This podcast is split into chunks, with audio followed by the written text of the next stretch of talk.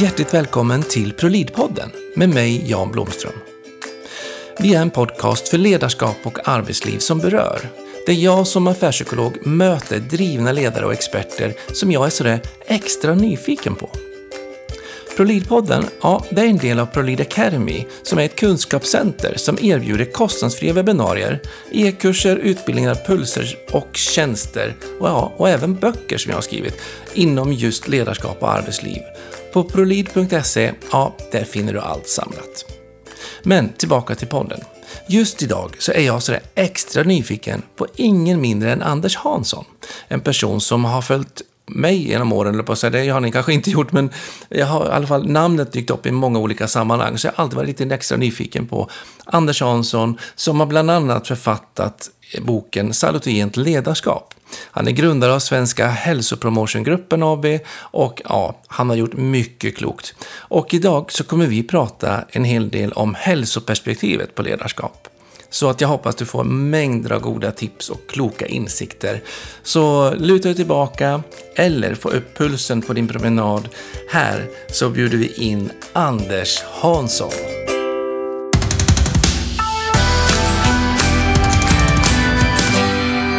Hjärtligt välkommen till ProLid-podden säger jag till Anders Hansson.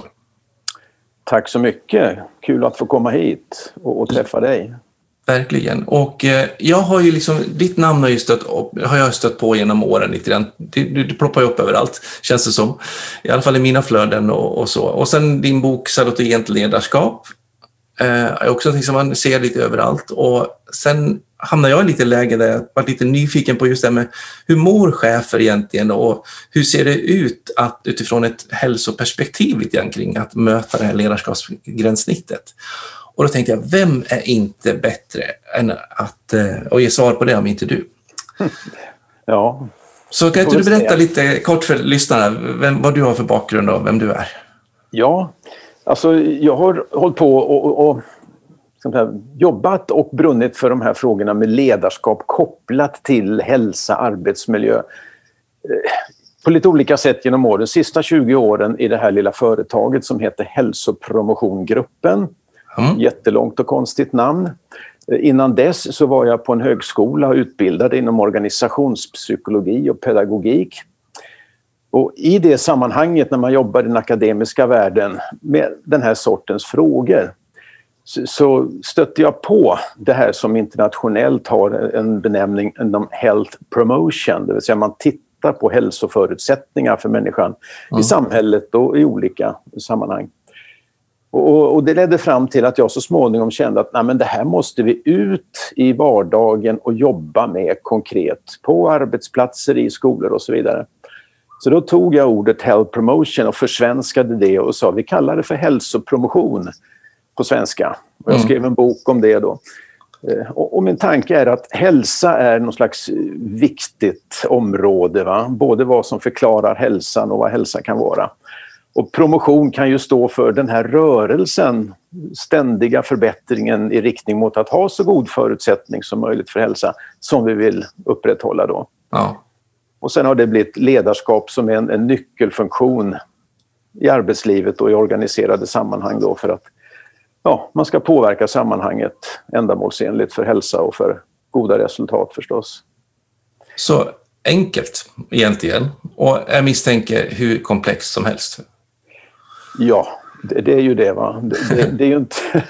Vi har drivit det här företaget i 20 år, jag och, och, några medarbetare som också brinner för den här frågan. Men det är ett väldigt komplext område när man kommer ut och ska främja förutsättningar för hälsa. För, för hälsans förutsättningar, det är hela livet. Ja. Hela organisationen, alltså kulturen och strukturen och människorna där. Va?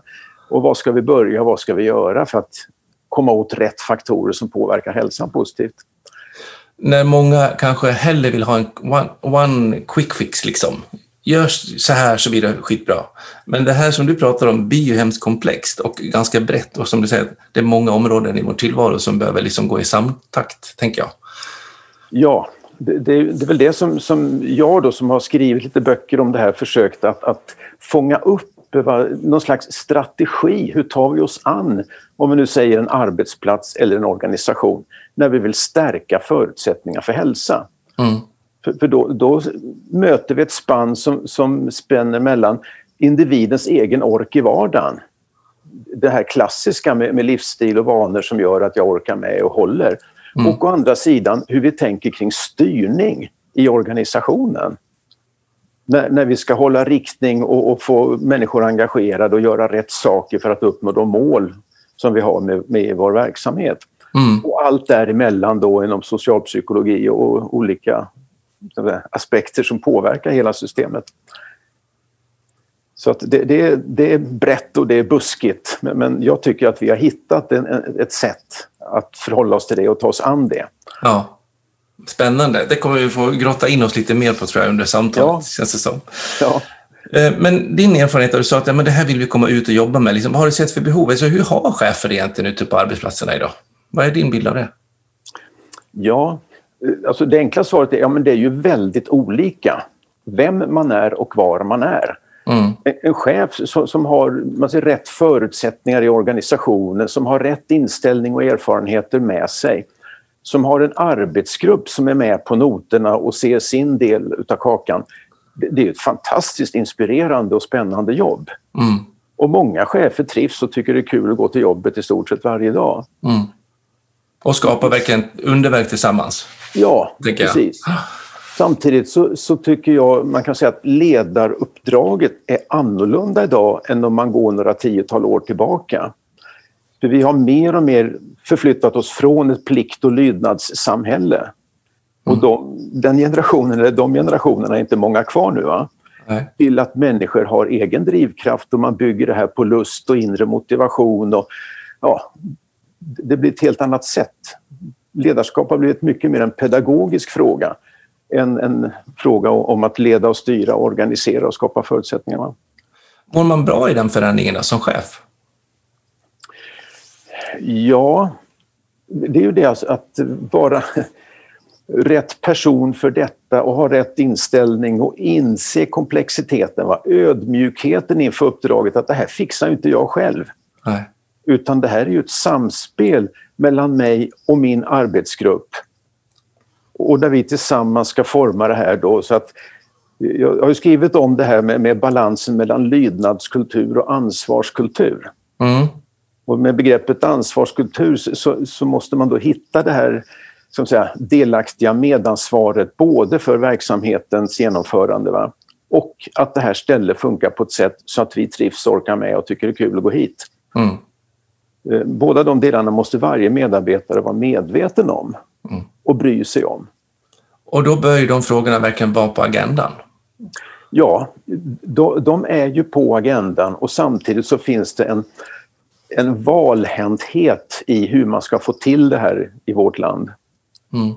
På vilket man, sätt? Prat, man pratar om delaktighet va? och vi har samverkan och en massa fina honnörsord. Mm. Och regeringen går ut med en propå om tillitsbaserad styrning. Va? Och nu ska vi skapa tillit och vi ska bygga styrning på tillit. Men när man har jobbat med det här i en kommun i några år så, så, så ser man sig omkring. Vad blev skillnaden? Ja. Det har inte hänt något. Och, och, och det är där som, som det behövs liksom både en förståelse och det behövs en metodik, en pedagogik och det behövs verktyg för att jobba på ett sätt så att man, man rör sig åt det hållet. Mm. Jag har en, en, bild som jag brukar prata om, det är en hamburgare.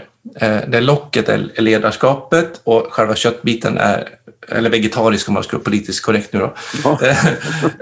Vegoburgaren eh, ska vara liksom själva organisationen och under locket, alltså under botten är liksom själva medarbetarskapet. Och en sånt här förändringsarbete, den bör ju liksom vara som en tugga åt taget, en tugga åt gången. Där man förflyttar ledarskapet lite grann, man justerar organisationsstrukturerna lite grann som stöttar upp beteendet och mm. Medarbetarbeteendet ska förflyttas också ett litet steg. Sen tar man ett steg åt gången. Ja. Men många gånger när man ser på, på förändringsarbeten och, och utbildningsinsatser och sånt, så kör man liksom bara ledarskapet ena året och så kör man medarbetarskapet nästa år och så gör man omorganisationen tredje året. Mm. Och det är som att gå på en, en hamburgerrestaurang och säga att nej, idag serverar vi bara locken på hamburgaren. Alltså det funkar mm. inte. Mm. Så att man behöver verkligen se till att de där följs med. Och det var lite så jag tänkte också med att frågorna behöver vara på agendan och göra de här finjusteringarna. Ja. Och, och, idag så är det ju ska man säga, det blir en resursfråga för när man ska ta hela hamburgaren så, mm. då måste man ju kommunicera det här äh, sättet att tänka och frågeställningarna. Vad vill vi och vad är viktigt och hur jobbar vi med organisationen framåt för att, att leda och styra och skapa god arbetsmiljö och så vidare. Det måste kommuniceras i ledningen. Och sen måste cheferna vara, vara tidigt på så att de har ett initiativ. Och sen måste alla medarbetare med i den här dialogen. Mm. Och det är klart, då tar det lite tid och det krävs en planering och mycket tålamod. Ja, och uthålligheten att inte ge slipp på målet, tänker jag. Ja, precis. Varför gör vi detta? Va? Vad är syftet och vilka behov ligger bakom att vi vill skapa en, en utveckling i den här riktningen? Mm. Eh, just nu så har vi, vi inne i avslutningen av ett ganska långsiktigt projekt i en kommun uppe i, i mellersta Norrland där man har jobbat i två år med en sån här förändringsresa. Ja. Och, och gjort det så, som du beskriver i din hamburgare. Alltså, man har tänkt så klokt att man har formulerat en personalpolitik som står för en främjande tanke. Mm. Och man har förankrat i politiken, i högsta ledningen, i koncernledningen i kommunen. Man har gett cheferna utbildning, man har haft workshops i alla arbetsgrupper. Mm. Och man har jobbat med, med en tydlig utveckling utav arbetsplatsträffar och medarbetarsamtal. Det är ju verktygen i vardagen. Mm. Hur genomför vi dem på ett sätt så att de gagnar den här strategin om att skapa en ny kultur som de säger då. Mm. Och, och det, det, det, går, det tar steg framåt. Jag tänker på jag brukar ofta tänka i termer med äganderätten, alltså vem äger frågan och vem äger arenan som man är på och vem, ja, hur, hur, ser man, hur ser man på äganderätten helt enkelt? Och jag tycker att man i de ställen som lyckas med den här förflyttningen som du pratar om, just det, man behöver det som tar de olika nivåerna som du pratar om, men också att man behöver verkligen förtydliga att nu förskjuter vi delaktigheten, mm. eller äganderätten. Och att delaktighet är förknippat med att man också får ut ett äganderätt eller mandat ute i grupperna och längre mm. ut i organisationerna som alltså är verksamhetsnära. Ja. För annars så blir man ju, som jag ser i, i många andra sammanhang, när man liksom drar igång sådana lite kortare varianter eller ogenomtänkta förändringsresor, eh, man får prata i sådana termer, eh, där man liksom trycker ut, talar om och sen så vill man skapa delaktighet, har med olika samverkansformerna och så, men man flyttar inte ut äganderätten. Då blir man ju liksom man ska få vara med och leka med, med dem med, med, med liksom makten. Men när det väl gäller så har jag inte med saken att göra. Nej. Det, alltså det där är ju en väldigt, vad ska man säga, delikat uppgift att få alla medarbetare att känna att det här är deras grej också. Ja. Det är inte något som de har hittat på med hänvisning till politiken eller kommunförvaltning, kommunhuset där centralförvaltning sitter. Utan vi gör det här och vi är med och skapar detta. Eh, ägarskap brukar jag använda som, som ett uttryck, som är det du menar där också. Va? Att man känner att jo, men jag vill också vara stolt för det här och, och vi är med och påverkar detta på ett tydligt sätt. Ja. Och, och, det är ju förändringsmetodik då, hur mycket färdigformulerat är det? Och hur mycket bygger på att vi har viktiga frågeställningar där alla ska vara med och, och formulera och, och vi sen hittar liksom centrala och, och, viktiga slutsatser som vi jobbar med och som vi tar med oss vidare. Mm. Det här med att få vara med och, och liksom påverka. Alltså, eh, om du känner på det här med att, att man är med på det som är roligt, alltså att man får vara med och seg, fira segerns framgång lite och känna sötman eh, när man får till något bra, kontra att man är delaktig och är med också när det skiter sig när man har lite ångestvett i hårfästet och liksom tycker att man står där med skämskudden och säger att shit, det där var nog inte så himla klokt. Mm. Hur ser, ser, du någon skillnad på delaktigheten i de där två olika scenarierna? Det normala, den normala reaktionen när, när det skiter sig är att då vill man ju inte vara med. Va? då, då vill man helst att det är någon annan som ska få ta ansvar för det som har hänt. Men, men jag tänker så här att om en organisation börjar jobba i en man säger, positiv främjande riktning. Man formulerar vad som är viktigt. Man, man, tittar på vad gör vi redan av det som är viktigt för, för att det bidrar till det vi vill. Va? Ja. Och vad kan vi ytterligare lägga till? Och sen ger man positiv återkoppling på det som lyckas och att varje människas säger, framgångsupplevelser bekräftas och, och formuleras. Mm. Då får man någon, slags grundtrygghet. Där är ordet tillit relevant. Vi har en tillit till vår förmåga för vi pratar om varför det blir bra när det blir bra. Ja. Och det blir en känsla av, av en organisation som har en massa resurser. Och då när det händer någonting som är skit i systemet, ja men det kan vi leva med. Ja, för då har man tillit också till min tillkortakommande. Ja. Det, är väl det som är den här främjande salutogena strategin, att vi intresserar oss för vad det är som förklarar att det blir som vi vill. Va? Vad är det som bidrar till att hälsan bevaras eller rent utav stärks? Mm. Eh, ett exempel, en arbetsgrupp som hade en väldigt tuff utmaning och så hade de en debriefing innan de gick av sina pass. Och den debriefingen handlade om vad det var för någonting som hade hänt. Och, då var det misstag och avvikelser. För man ska dela med sig av de här dåliga upplevelserna så man slipper bära dem själv när man går hem. Ja. Och så sa jag åt dem, ta så mycket tid att ni hinner gå en, ett varv runt och varje person säger någonting som gick bra eller som man känner sig tacksam för den här dagen. Mm. En liten kortis. Ja. Och så gjorde de det. Och efteråt så sa de, ja vad skönt det blev, för när vi hade gjort den lilla rundan då kändes det som att vi är en grupp som gör en hel del bra saker. Ja, också? Ja. Och ovanpå det, någon slags trygg botten av, av duglighet, så pratar vi mycket lättare då om att det här blev inte bra, det här måste vi liksom förbättra eller ta tag i. Ja. Eh, om vi, med liksom hur, hur chefer och, och arbetsplatserna har det. Om man går in och ser på, på vård och omsorgsområdet som är ganska mycket i media idag, framförallt med coronatider och sådär. Eh, och de har ju oftast hemskt stora grupper. Man pratar gärna om att det är ganska stressigt, att man har hög grad av ohälsa hos chefer. Eh, så pass stora grupper som hinner inte jobba med den här förankrings och dialogen eh, som vi pratar om här. Eh, hur, hur är din bild av, av vård och omsorgssektorns situation kring det här? Ja, och ledaruppdraget i, i, i den sektorn är ju otroligt eh, ansträngt. Det har ju varit i ganska många år. Dels av organisatoriska skäl med, med de här stora arbetsgrupperna jag har ju träffat ledare, även innan jag startade det här företaget så var jag ute och träffade chefer i, ja, i region, landsting och i vissa kommuner. Alltså, det fanns ju chefer som hade då 50, 60, 70 direkt underställda medarbetare. Mm. Och de skulle ha arbetsplatsträffar och de skulle ha utvecklingssamtal och de skulle ha lönesamtal. Alltså det funkar inte om man med ledarskap tänker att det måste bygga på relation mm. mellan människor. Så att vi, vi är fortfarande där idag. Eh, eh, och man, man, kan säga att förklaringen till det hårda trycket, det är dels då att det kan vara stora grupper. Men det är också det som, som det här ordet New Public Management medförde, att vi fick väldigt mycket krav på dokumentation och redovisning, rapportering, mm. som tar mycket arbetstid. Både av medarbetare och av chefer. Och den insikten den, den föranledde ju den här satsningen på tillitsbaserad styrning. Att skapa lite mer frirum, minska på den här dokumentation och redovisningshetsen så att professionerna får ägna sig åt det som de har valt sitt jobb för. Mm. Så där, där, är en god tanke och en intention och, och, där händer säkert saker, att man minskar ner på, på den. Men, men vi är fortfarande kvar i offentlig verksamhet i en dubbel styrning.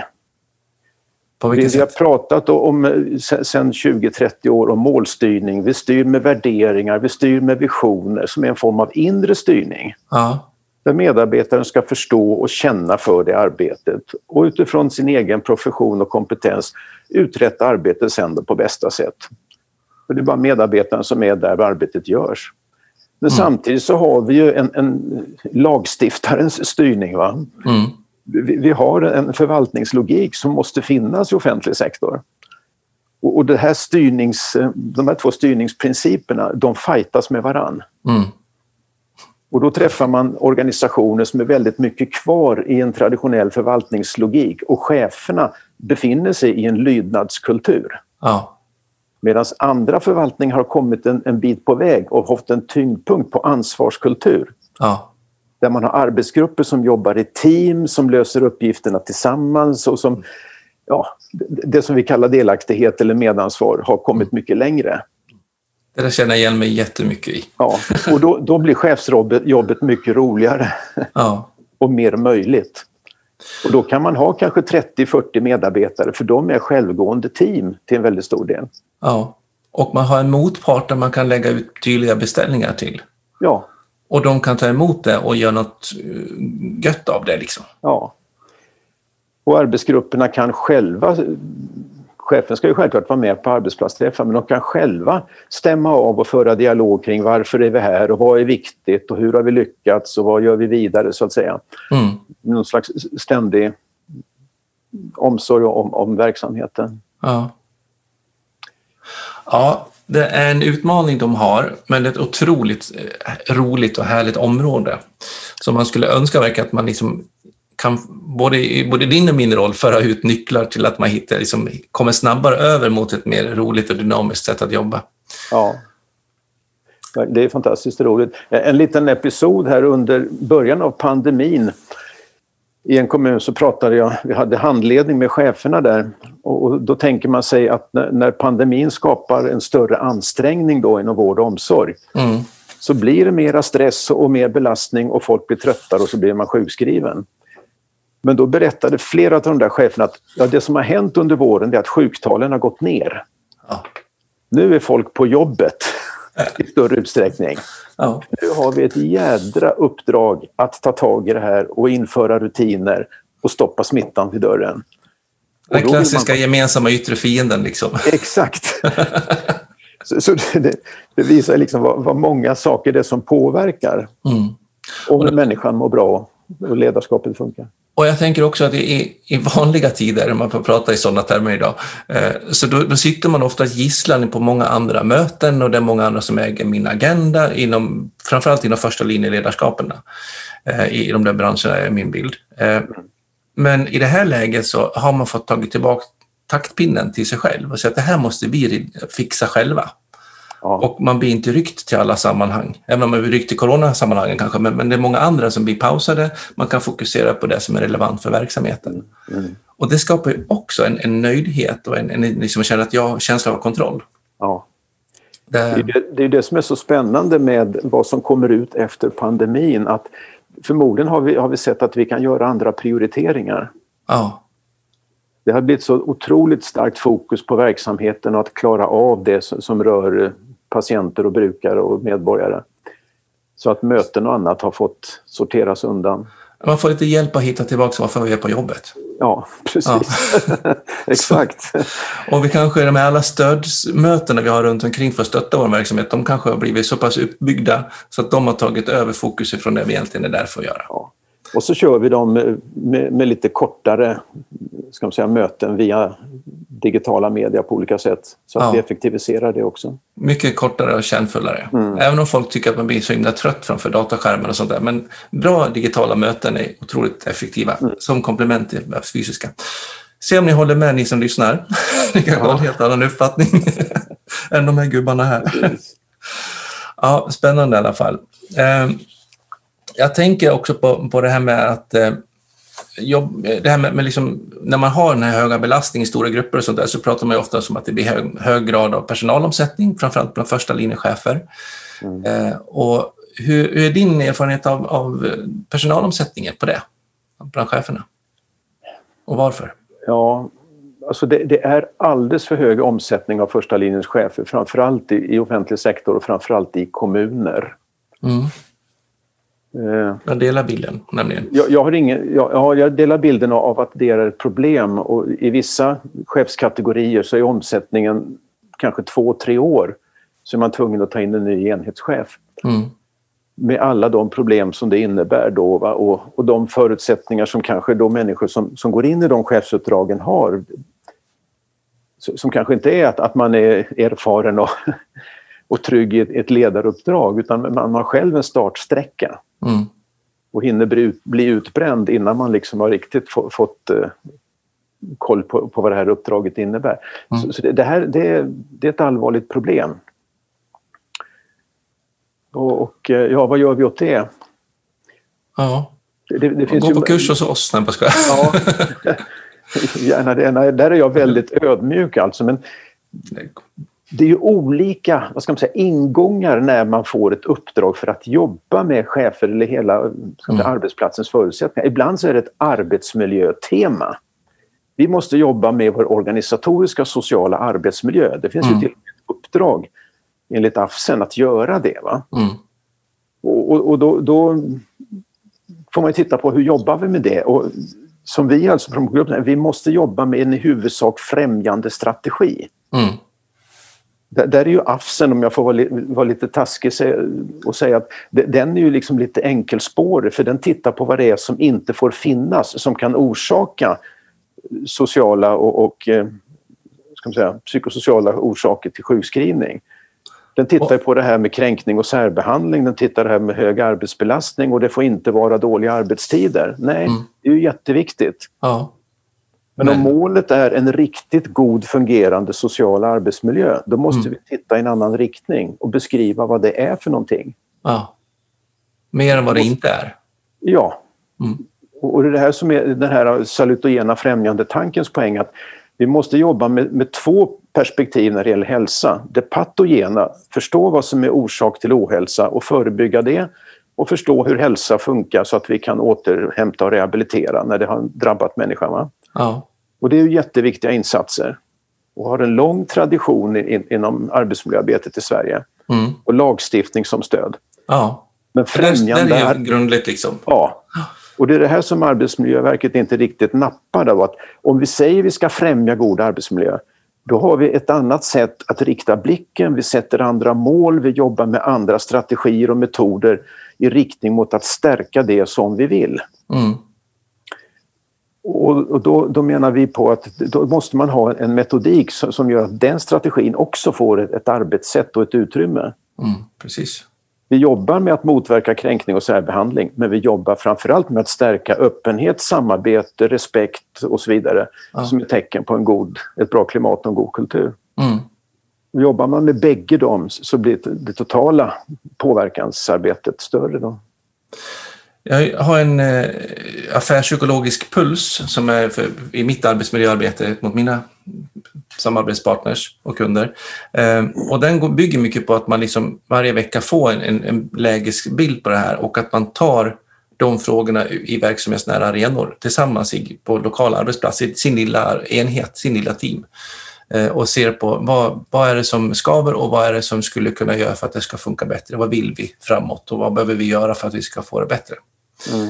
Eh, just att knyta ihop hur vi beter oss och hur vi har det knyter till vilken effekt vi vill ha framöver. Mm. Så det ligger lite grann åt det hållet i alla fall, tänker jag. Ja.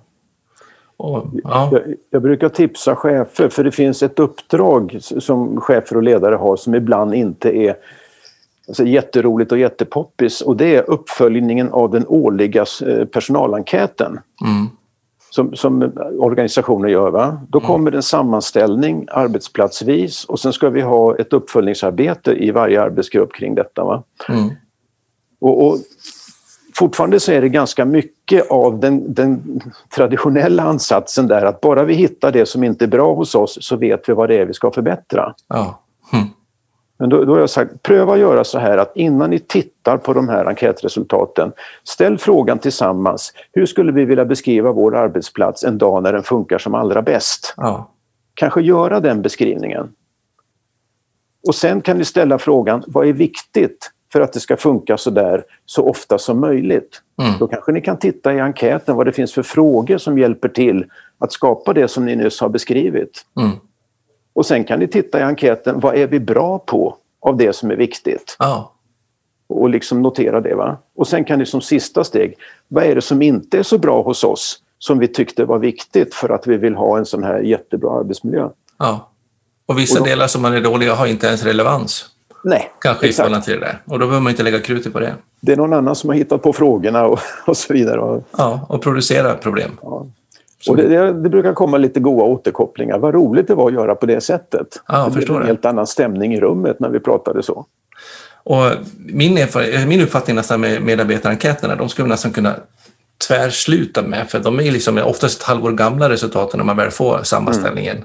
Mm. Mm. Eh, och då blir det verkligen fokus bakåt hur det var för ett halvår sedan. Och så fort ja. den är relevant så säger man nästan alltid ja men den har ju slutat eller vi förstod inte frågan eller Nej om man inte vill ta i den. Så att Egentligen så har de bara relevans för, för, för högsta ledningen och HR när man ska titta liksom övergripande hur det ser ut på olika ställen i organisationen. Ja, faktiskt. Det finns ja, mer moderna sätt att göra det på. Ja, precis. Ja, upp till kamp alla lyssnare. Ja. Eh, det här med, med ett hälsoperspektiv. Eh, jag har haft en gäst som heter Sofie Resare med i podden tidigare. Hon pratar mycket om hälsoekonomi. Mm. Och hon lyfter fram att det är viktigt att man ska både ha en god sömn, sova, att man sover gott, att man har en bra fysisk hälsa så att man orkar prestera på jobbet, att man har en ekonomi så att jag kan betala hyran hemma som gör att jag kommer i balans till jobbet och att jag har en karriär som jag är tillfreds med. Hon pratar om sunda relationer, att man liksom lever gott i, och blir bra behandlad av sin privata värld också, inte bara på jobbet. Mm. Eh, mental hälsa har hon som ett område som hon trycker mycket på. Eh, mm andning har hon som ett av de viktiga delarna också. Vi hittar liksom energin och flöden och sådana saker. Vätska och, och liksom vätskebalans i, i vårt kropp och kost, att vi äter på ett bra sätt så att vi mm. någonstans mäktar med och, och presterar bra. Ja. Eh, så det är lite utifrån ett hälsoekonomiskt perspektiv utifrån Epic Living Sweden, så hennes eh, koncept heter. Mm. Lyssna gärna ni som är, hon har kan nog tagga till vilken avsnitt de var med sen. Mm. Eh, men eh, hur, hur, stämmer det i förhållande till vad du ser som, som att behöva jobba med de här lite mer stärkande och främjande delarna? Ja, alltså när, man tar in ett hälsoperspektiv och kopplar det till ledarskap och eh, ja, arbetslivet, den delen av livet, så, innebär det att man tittar på lite mer på helheten. Vad finns det i hela det här systemet som påverkar människans hälsa? Och vi vill ju att systemet ska påverka människans hälsa gynnsamt. Mm, precis. Eh, vi, vi sätter ju liksom de mänskliga villkoren lite, lite i förgrunden.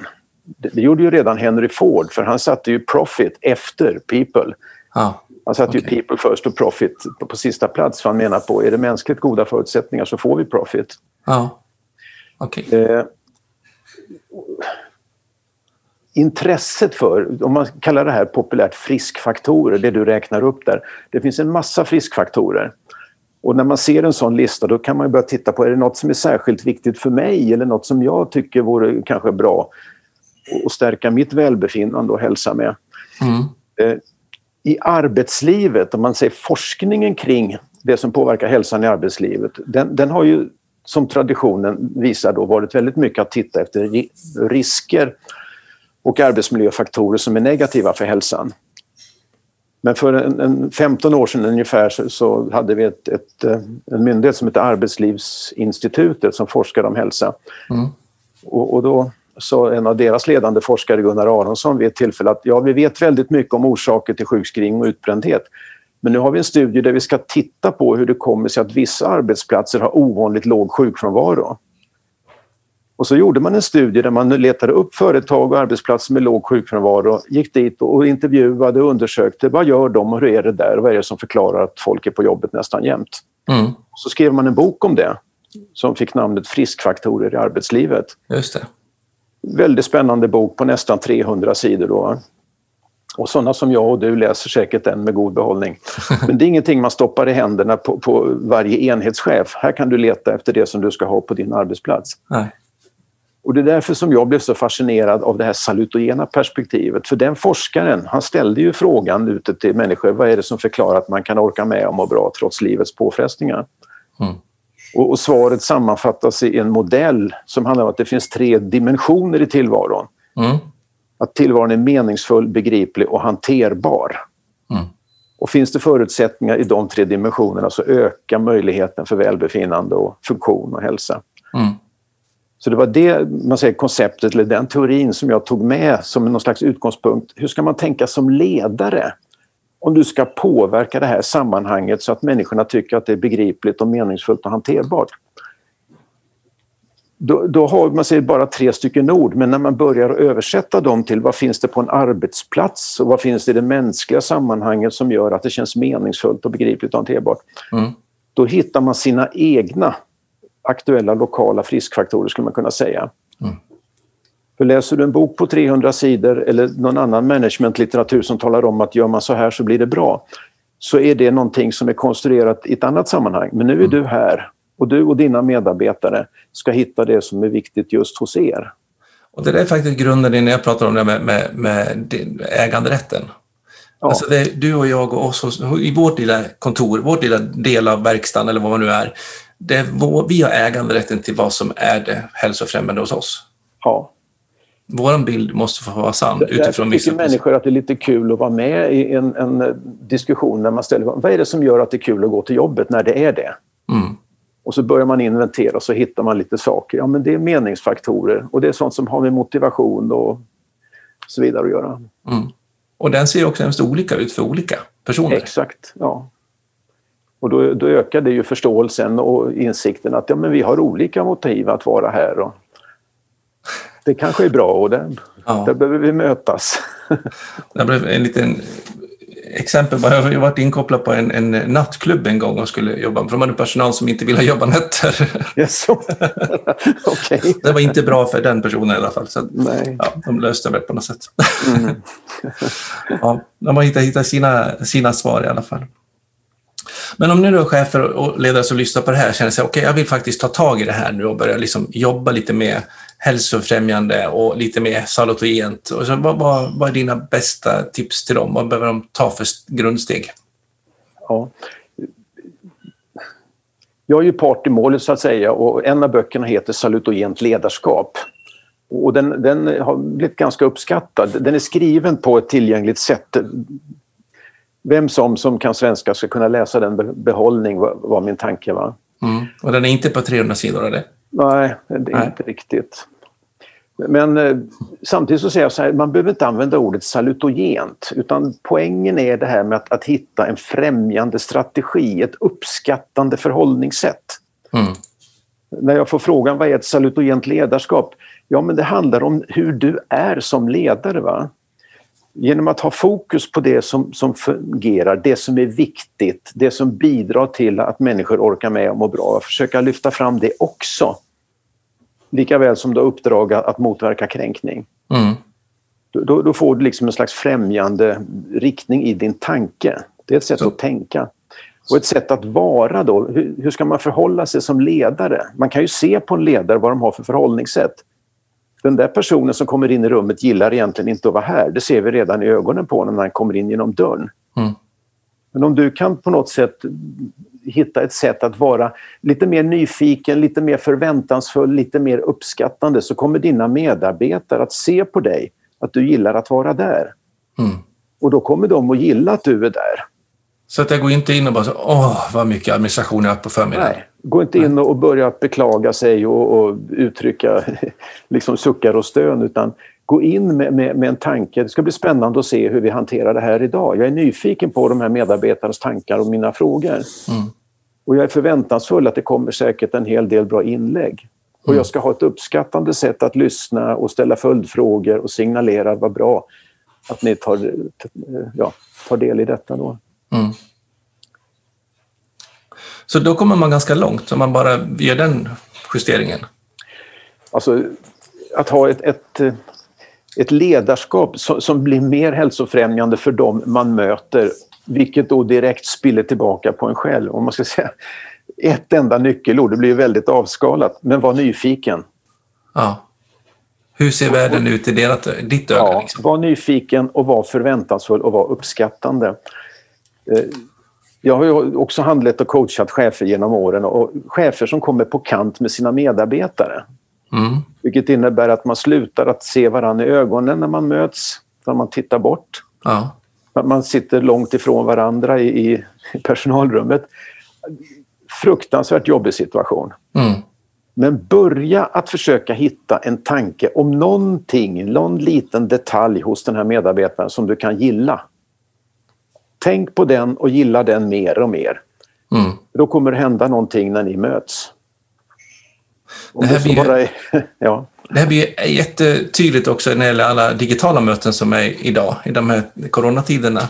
Mm. Men hur många möten är man inte på där man säger att ah, vi skulle egentligen ha träffats liksom, live, men nu var vi illa tvungna att ta det här digitalt. Så mm. det är lika bra, men. Liksom, mm. Man börjar liksom där och sen har man oftast datorn fortfarande långt ner på bordet och man ser nästan rakt upp i, i näshåren bara. Mm. Istället för att man liksom tittar rakt in i kameran och att man säger hej, vad kul, det här blir skitbra mm. möte. Mm. Så det blir ju så ännu mer satt på sin spets, tänker ja. jag, vara digitalt. När vi har så få liksom, dimensioner att bygga relationen på. Det, det, ja, det var en parentes. Att, ja, men det, det, är en jätteviktig grej när man har digitala möten, att man tittar i kameran och att man, man använder det, det kroppsspråk och, och, den verbala kommunikation som kan. Ja. För det vi missar, du som, som neuropsykolog, den här subliminala perceptionen den går inte fram på samma sätt. Nej, den gör inte. Det här med ögon och ansiktsuttryck och de, de små signalerna som gör att jag, jag har en, en, tillit eller jag har en uppskattning av dig. Om man bara känner den där spänningen i kroppen eller den där sköna känslan i kroppen ja. som den man pratar med. Mm, då behöver man vara i samma rum. Ja. ja, och då får man ju ställa lite tydligare frågor istället. Ja. Är du spänd? ja. ja. ja, men härligt, härligt. Um, lite mer hälsoperspektiv på ledarskapet och på medarbetarskapet får vi mm. bara vinnare vinnare utav. Ja. Och så kan vi väl nästan summera. Ja, och jag, jag skulle säga så här, jag, jag har en... Sen jag startade hälsopromotiongruppen då, så, så, kan man säga att i 20 års tid har vi försökt att göra det här främjande perspektivet synligt och intressant för fler och fler människor.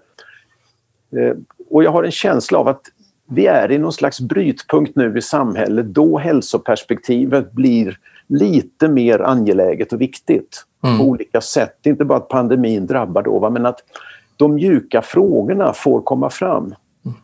Pratar vi hälsa så är det både en fysisk, en mental, en social och en existentiell aspekt av hälsa. Mm. Just den existentiella delen, alltså vad är viktigt, vad är meningsfullt, hur, hur värnar vi och tar vara på varann? Mm jag tror att det kommer få mer utrymme framåt. Jag hoppas verkligen det. Jag håller med. Och det är liksom, som psykolog också så är det liksom att man ser verkligen, mår folk bra så presterar man bra. Mm. Eh, men, men jag tänker på för några år sedan så var ju, hade de gjorde, Saab hade en bilfabrik i, Mal, i Malmö Mm. Då hade de drivit det hemskt långt med liksom så här gröna oaser inne på fabriken där man fick sitta och mm. fika och vila och sånt. Då var ju verksamheten hemskt ineffektiv istället. Men det mm. byggde också på att om man har de det bra, då kommer man bygga bilar bra.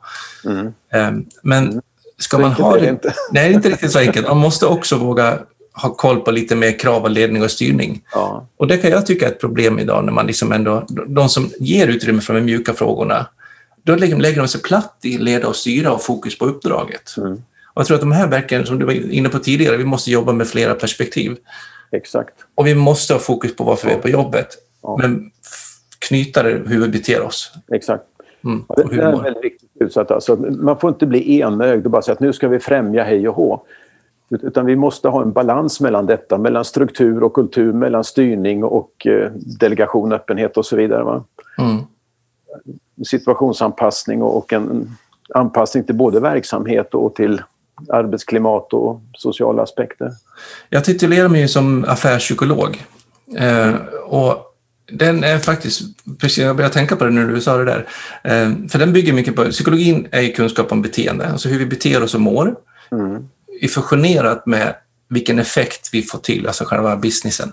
Mm. Vilken uppnår vi, vad ska vi någonstans, vad, vad får vi för output liksom, av det? Mm. Så att hur vi beter oss knyter till den dit vi ska, mm. är liksom det som är essensen någonstans i min värdesystem. Um, och den fick i alla fall en, en, om den var sann eller inte, en bekräftelse nu. ja, nej, men jag, jag är helt, alltså det, så måste det ju vara. Så fort vi har en organisation där det ingår människor, vi ska få fason på en massa människor. Ja. Och organisationen har ju ett uppdrag eller ett mål. Och, och, då blir det alltså psykologi och socialpsykologi som är ett väldigt viktigt kunskapsområde. Mm.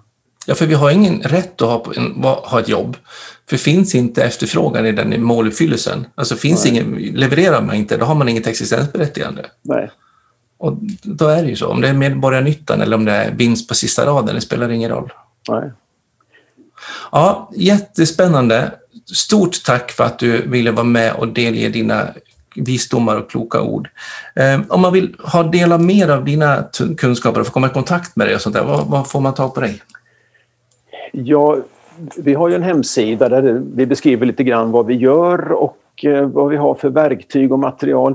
Under de här 20 åren så har ju min ambition varit att vi ska vara ett kunskapsföretag och, och hjälpa till och, och, stötta och sprida kunskap. Men vi har också tagit fram metodik och, och det vi kallar populärt verktyg, alltså arbetsmaterial för mm. arbetsplatsträffen, för utvecklingssamtalet. Vi har nu uppdaterat ett verktyg för ett utvecklingssamtal online. Mm. Där man kan jobba utifrån det här med meningsfullhet, begripligt och hanterbarhet och hitta det som är viktigt för mig. I livet i stort och i arbetet. Ja. Och, och, man får en god process kring det. Det enklaste sättet är att man, man eh, går in på www.salutogent.se så hittar man lite mer information där. Ja, Härligt. Och sen är det väl boken Salutogent ledarskap som vi brukar säga. Börja med den och titta på den. Så finns det lite annan litteratur också som kan fylla på sen. Ni hör vad han säger. Börja läs och sök upp och börja att jobba ännu mer hälsofrämjande och ha ett hälsoperspektiv när ni ja. jobbar som ledare och eh, när man ser på arbetssituationerna. Många människor gör det redan och fortsätt med det. Precis, det är självklart så man ska säga. ja. Stort tusen tack, så ja. hörs vi igen. Jätteskojigt Jan. Tack för ja. att jag fick vara med i din podd. Ja, vad bra. Tack. Ha det bra allihopa. Hej. Hej. Om du gillar avsnittet, ge då tummen upp och följ oss så blir vi jätteglada. Och passa även på att följa oss på LinkedIn, Instagram och Facebook. Både när det gäller Prolid och mig själv Jan Blomström, ja, så lär vi ju faktiskt känna varandra ännu lite bättre. Ta hand om dig så hörs vi vid vårt nästa avsnitt.